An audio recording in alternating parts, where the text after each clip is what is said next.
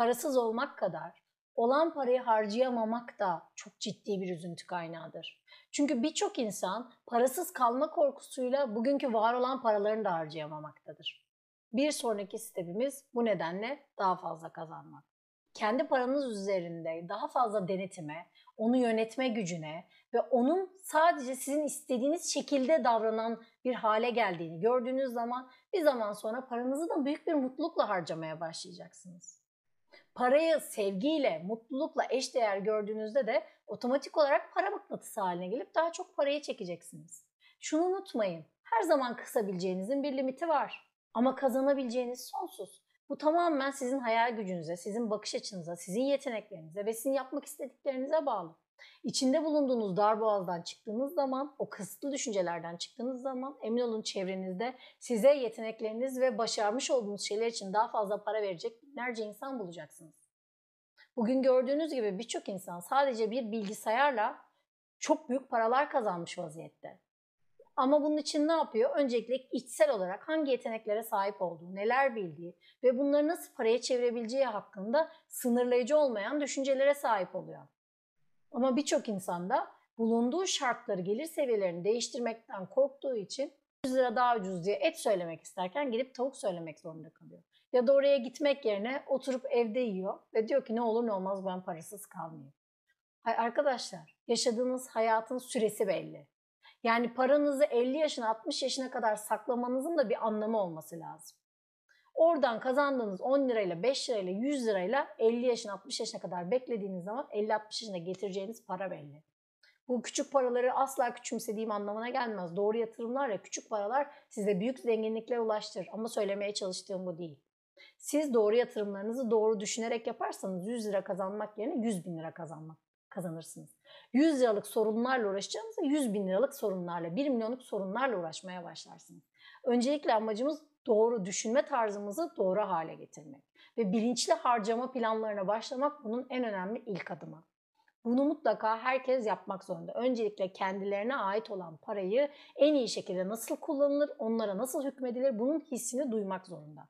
Para onları yönetmekten çıkacak, onlar parayı yönetir hale gelecek geldikleri an anlayacaklar ki para gerçekten yönetilebilir bir şey.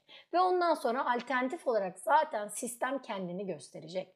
Dediğim gibi niyet ediyoruz, planımızı yapıyoruz ve uygulamaya geçiyoruz. Bu nedenle bir sonraki adımımız daha fazla kazanmak olacak.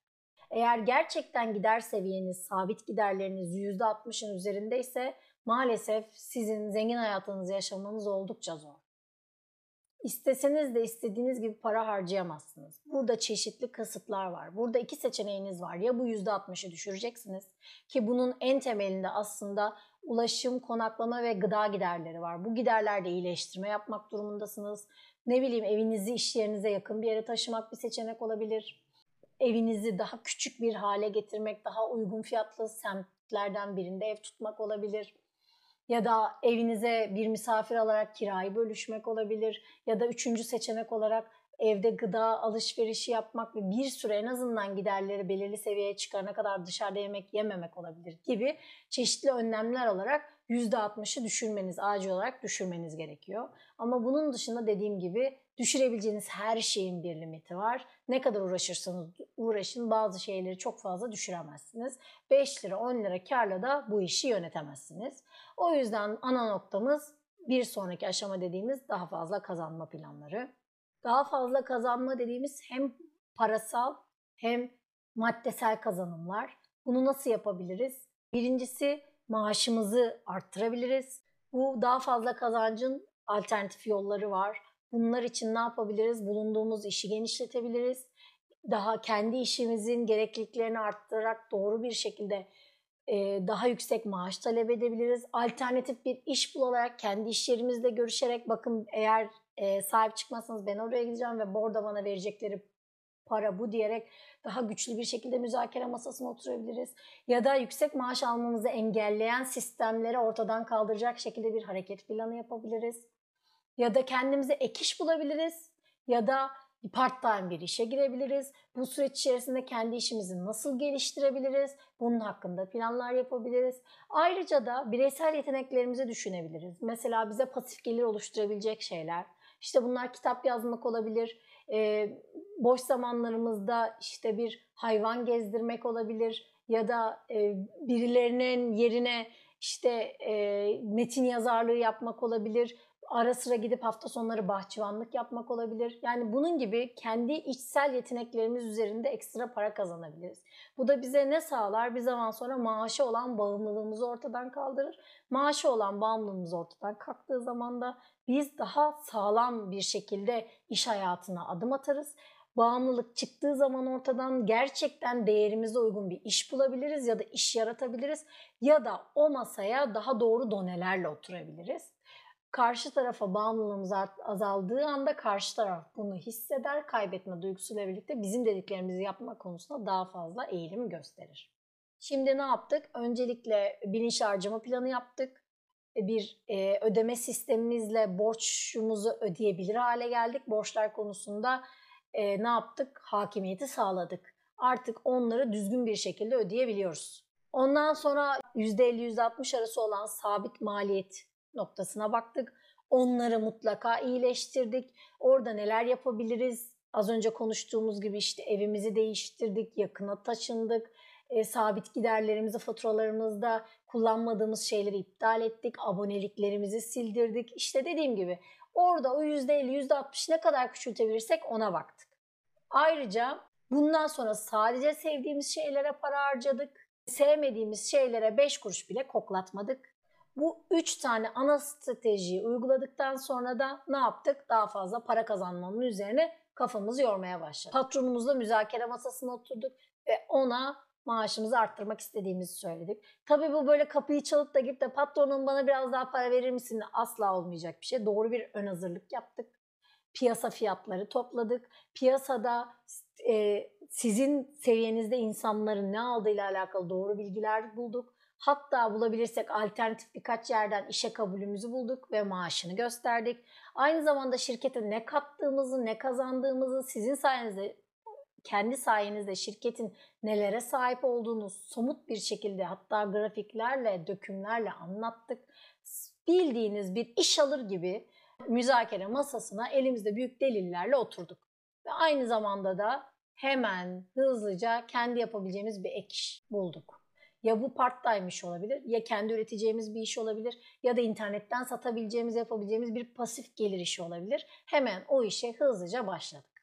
Emin olun ki para kazanmanın binlerce, milyonlarca yolu var ve hepsi birbirinden kolay ve doğru bir şekilde başladığınızda ve piyasaya çıktığınızda emin olun sizin o yeteneğinize çok daha fazla para ödemek isteyecek bir sürü insan bulacaksınız. Evet ve dördüncü adımdayız. Şu an yatırım planı yapıyoruz.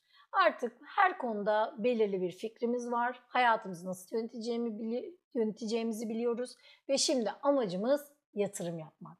Yatırım yapmak dediğimiz şey sadece bir borsanın içerisinden bir hisse senedini ucuzdan alıp pahalıya satmak değildir arkadaşlar. Yatırım yapmak bir yatırım planına sahip olmaktır. Hayatımızın bundan sonra getirilerini nereden sağlayacağız? O getirilerini nasıl ne yöne e, kanalize edeceğiz? O kanalizeden neler kazanacağız? Belirli bir planınızın olmasıdır. Yatırım fonu da alabilirsiniz, borsada alabilirsiniz. Dediğim gibi bir kitap yazabilirsiniz, bir işletme kurabilirsiniz. O paranızla kendinizde daha iyi bir e, size maaş yaratacak ya da piyasada da statünüzü, değerinizi arttıracak bir eğitime gidebilirsiniz. Bildiğiniz gibi en değerli yatırım kendinize yaptığınız yatırımdır. Kendinize sınırsız yatırım yapacak şekilde bir süre bütün kazancınızı kendiniz için kullanabilirsiniz. Dediğim gibi yatırım yapmak bir hisse senedini ucuza alıp pahalıya satmak değildir. O yatırımların sadece bir tanesi ve bir çeşididir. Yatırım yapmanın temeli yatırım planına sahip olmaktır ve bu çok değerlidir. Nelere sahip olduğunuzu bilirseniz ana başlıklarınızı neler yapacağınızı, nelere bundan sonra sahip olacağınızı, uzun vadede sizi tanımlayan şeylerin ne olacağını planladığınız anda o zaman gerçekten bir yatırım planına sahip olursunuz. Bir kitabın içindeki içindekilere sahip olursunuz. O içindekileri zaman içerisinde kendinize eğite eğite istediğiniz gibi doldurursunuz. Yatırım dediğiniz şey sıkıcı bir şeydir. Sakın bunu şey olarak bakmayın. Alırım, satarım, of bu bilgiyle kim uğraşacak, bunu nasıl yapacağım? Hayır. Yatırım dediğiniz şey bu değildir. Yatırım dediğiniz şey kendi ihtiyaçlarınızı görmektir. Elinizdeki parayı en sağlıklı olarak ne değerlendirecekse, neyi yaparak o parayı maksimize edecekseniz o yöne doğru kendinizi kaydırmaktır. O noktayla alakalı gerekli bilgiyi ve donanımı, paranın dilini elde etmektir. Bunu yaptığınız zaman zaten otomatik olarak paranızda sizde getirdiğiniz o bileşik etkiyle beraber mutlaka büyüyecektir ve o size büyük kazançlar getirecektir. O yüzden hep hedefleriniz olsun diyorum. Çünkü ancak hedefleriniz olduğunda büyük kazançlarınız olur. Ama eğer küçük kazançlara odaklanırsanız yani benim hayalim bu ay sonu faturalarımı ödeyebilmek kazancına odaklanırsanız gerçekten hayatta size o kadar küçük kazançlar verir. O yüzden yaptığınız doğru bir yatırım planı yapın, kendinizi tanıyın, kendinize uygun bir yatırım planınız olsun. Bu ister borsa olsun, ister e, ister kripto para olsun, ister yatırım fonu olsun, isterseniz gidin bir eğitim alın, isterseniz bir kursa yazılın, isterseniz bir e, derneğe üye olun. Ne bileyim yani isterseniz bir işe başlayacağınız özel bir bilgisayar alın. Kendinize ait bir yatırım planı oluşturun. Ama dediğim gibi mutlaka belirli bir yerde paranız ya da bir bilginiz birikiyor. Orada zaman içinde size geri dönüş yapıyor olsun. Tabii ki bir finansçı olarak mutlaka finansal para piyasalarında paranızı değerlendirin.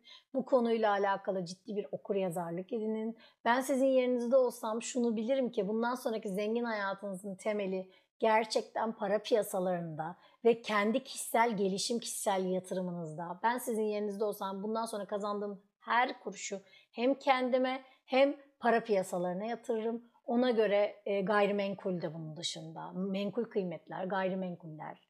Bunun gibi yatırım planlarını oluştururum. Çünkü her yaptığınız şey size fazlasıyla geri dönecek. Unutmayın bugün koyduğunuz 5 lira size 10 yıl sonra 125 lira olarak geri dönecek. Yıllar içerisinde enflasyonla beraber aslında paranız düşündüğünüzün aksine çok daha hızlı büyüyecek. O yüzden de dediğim gibi yatırımdan önce yatırım planlarınız olsun. Hayalleriniz de büyük olsun. Hayallerinizden utanmayın. Hayalleriniz büyüsün ki kazançlarınız da büyüsün.